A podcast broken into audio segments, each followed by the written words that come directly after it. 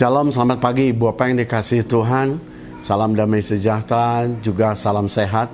Karena kami percaya kita semua yang ada dalam perlindungan Tuhan akan selalu terjaga dengan baik.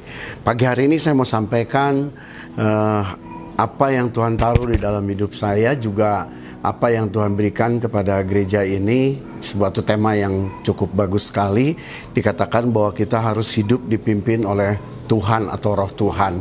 Nah, mari kita mau belajar hari ini tentang arti hidup dipimpin oleh Tuhan atau roh Tuhan. Di dalam Galatia 5 ayat yang ke-25, firman Tuhan berkata begini, "Jikalau kita hidup oleh roh, baiklah hidup kita juga dipimpin oleh roh."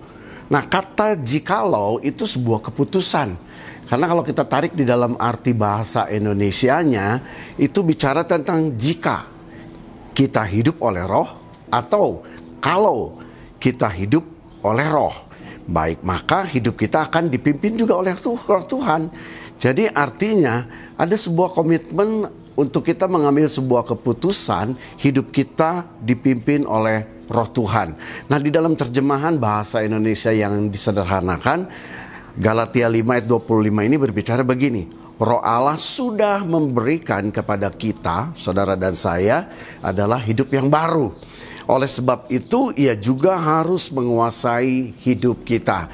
Nah, pagi ini saya mau akan sampaikan dua hal di dalam Galatia 5 ayat 25 ini. Yang pertama, hidup yang baru. Jadi ternyata untuk kita boleh dipimpin oleh roh Tuhan, maka dasar utama yang pertama adalah saudara dan saya harus mengalami yang namanya hidup yang baru. Karena kalau kita ikut Tuhan tetapi tetap di dalam hidup yang lama, kita nggak mungkin akan mengalami pertumbuhan. Sikap kita sikap lama, karakter buruk kita yang lama, perkataan-perkataan yang menyakitkan, itu tidak akan mungkin membuat saudara dan saya akan mengalami pertumbuhan di dalam Tuhan. Nah hari ini lihat, Yesus menginginkan kenapa semua saudara dan saya yang percaya kepada Tuhan harus menjadi manusia-manusia baru. Artinya manusia yang hidup di dalam Tuhan dan manusia yang dibaharui di dalam roh dan pikiran. Ibu bapak banyak kita berpikir cukup dengan baptisan, kemudian kita mengalami hidup yang baru. Itu betul. Tapi dalam menjalani hidup, kita betul-betul harus menjadi manusia baru. Contoh, ada banyak orang begitu dibaptis minta namanya diganti. Katakanlah nama baptisan. Dari nama lama kemudian contoh dikasih nama menjadi David. Oh Daud ya, David yang luar biasa. Bukan berarti dia menjadi hidup yang baru Nama suatu nama yang baru bukan mengubah kehidupan seseorang menjadi baru. Ya, tetapi hidup yang baru adalah bagaimana saudara dan saya betul-betul meninggalkan hidup lama kita dan kemudian dengan hidup di dalam Tuhan kita mulai menjalani yang namanya hidup yang baru. Seperti di dalam Efesus 4 ayat 17. Firman Tuhan berkata begini, sebab itu kukatakan dan kutegaskan ini kepadamu di dalam Tuhan. Jangan hidup lagi sama seperti orang-orang yang tidak mengenal Allah dengan pikiran yang sia-sia. Jadi poin yang pertama dikatakan kita harus betul-betul meninggalkan hidup lama kita yang seperti yang dilakukan orang-orang dunia dikatakan. Ya, adalah orang-orang yang tidak mengenal Allah, tidak takut Tuhan. Sehingga demikian dia akan bergerak sesuai dengan egonya masing-masing. Dan kemudian dikatakan dan pengertian yang gelap itu pun harus dibuang. Hal-hal yang meragukan tentang kehadiran Tuhan, hal-hal yang e, membuat dia merasa takut, hal-hal yang membuat dia ragu dalam menjalani hidup, itu harus dibuang karena itu adalah satu ciri di mana dia tidak percaya akan Tuhan, ya. Nah, kemudian dikatakan juga jauh dari hidup persekutuan dengan Allah. Saudara, mari kita cek Zaman dulu di dalam hidup lama, adakah kerinduan kita bersekutu dengan Tuhan? Seringkali kita mencari Tuhan karena kita butuh Dia untuk membereskan masalah kita. Tapi hari ini hidup baru itu kita harus tinggalkan di mana hal-hal yang menjauh dari Tuhan dibuang, kemudian kita berusaha mengubah menjadikan kita selalu rindu, bergairah untuk mengalami perjumpaan pribadi dengan Tuhan, hidup di dalam persekutuan dengan Tuhan. Ya, makanya ayat 18 kan berkata begini, dan pengertian yang gelap itu harus dibuang, jauh dari hidup persekutuan dengan Allah karena kebodohan yang ada di dalam mereka dan karena kedegilan hati mereka. Lihat, ada sebuah hal di mana manusia sering kali memaksakan kehendaknya. Saudara perhatikan di dalam Tuhan kita harus betul-betul merendahkan hati kita supaya Tuhan bisa bekerja. Tapi banyak orang salah. Ketika dia menerima Yesus sebagai Tuhan, dia tidak rela untuk dibentuk dalam sebuah proses. Tapi tetap dengan keyakinan, dengan egonya, dia tetap memimpin hidupnya sendiri. Maka saya yakin kita tidak akan mengalami sebuah perubahan di dalam kelahiran baru. Saudara, kelahiran baru bukan sesuatu yang saudara dan saya bisa ciptakan ya dengan sistem manusia. Tidak. Saudara, kelahiran baru bukan kita berganti baju menjadi baju yang putih-putih, kemudian ambil pelayanan. Tidak, itu bukan manusia yang baru, itu luarnya. Yang Tuhan mau menjadi manusia baru adalah di dalam hati kita. Nah dari dalam hatilah keluar perkataan yang baru, sikap yang baru, pikiran yang baru, semua ada di dalam Tuhan. Itu adalah hal-hal yang baru. Ya, jadi Bapak yang dikasih Tuhan, kita harus siap di dalam proses kelahiran baru ini. Nah, yang kedua, tadi dikatakan begitu kita komit, ambil keputusan, hidup di dalam roh atau di dalam Tuhan, maka kita harus memiliki gini, kerelaan hati untuk dikuasai oleh Tuhan. Tadi Alkitab tulis begitu kan? Jadi orang yang betul-betul rela dipimpin oleh Tuhan, dikuasai oleh Tuhan, itu artinya gini, dia rela hidupnya dikendalikan oleh Tuhan. Dia rela hidupnya dipimpin oleh Tuhan. Dan kita percaya bahwa kepemimpinan Tuhan di dalam hidup kita itu akan membuat hidup saudara dan saya menjadi lebih baik lagi.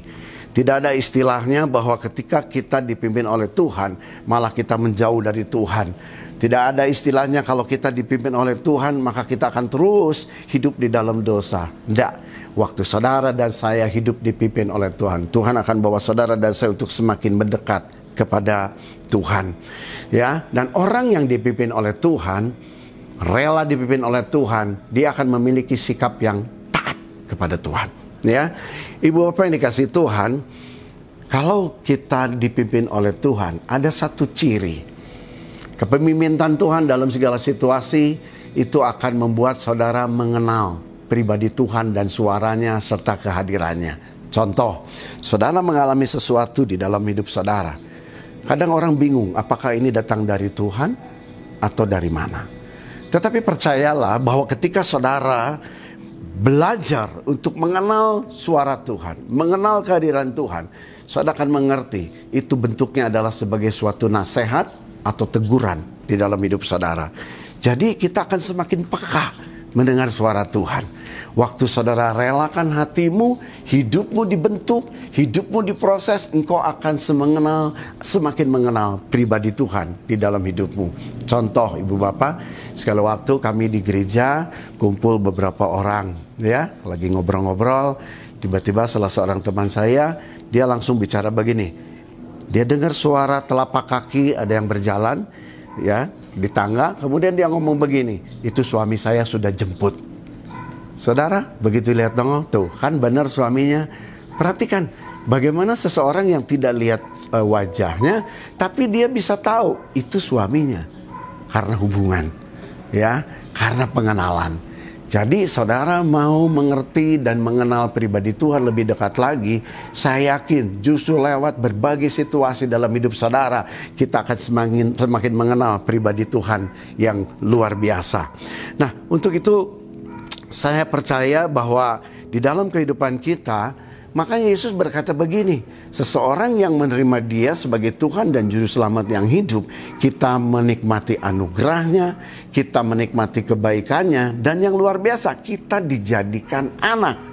Saya mulai merenung, kenapa Tuhan harus jadikan kita anak? Supaya kita mengerti dan mengenal siapa Bapak kita. Ya, kalau enggak kita tidak akan maju di dalam kehidupan kita.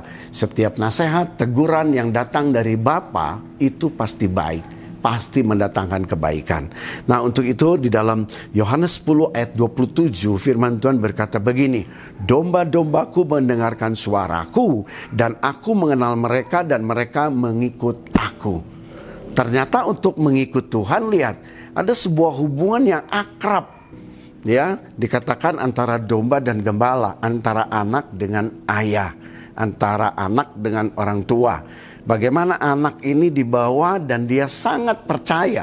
Dibawa ke mana pun oleh orang tuanya, dia percaya. Kenapa? Karena dia yakin dan percaya orang tuanya tidak akan mencelakakan dia. Demikian juga dengan Tuhan Yesus. Waktu dia jadikan saudara dan saya anak-anaknya, kita perlu keyakinan dengan iman. Setiap kali Tuhan memimpin hidup saudara dan saya, itu pasti menuju kepada kebaikan. Amin. Bukan kepada hal yang mencelakakan hidup saudara dan saya. Nah hari ini mari hargai pengorbanan Tuhan yang sudah menebus hidup saudara dan saya.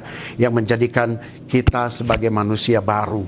Untuk itu mari relakan setiap proses pembentukan hidup saudara ya untuk menjadi manusia baru itu ada proses ada proses. Tapi percayalah proses itu akan mendatangkan kebaikan dalam hidup kita semua. Yang penting tujuan Tuhan dalam hidup saudara dan saya itu pasti ya jangan ragu-ragu untuk mempercayai Tuhan.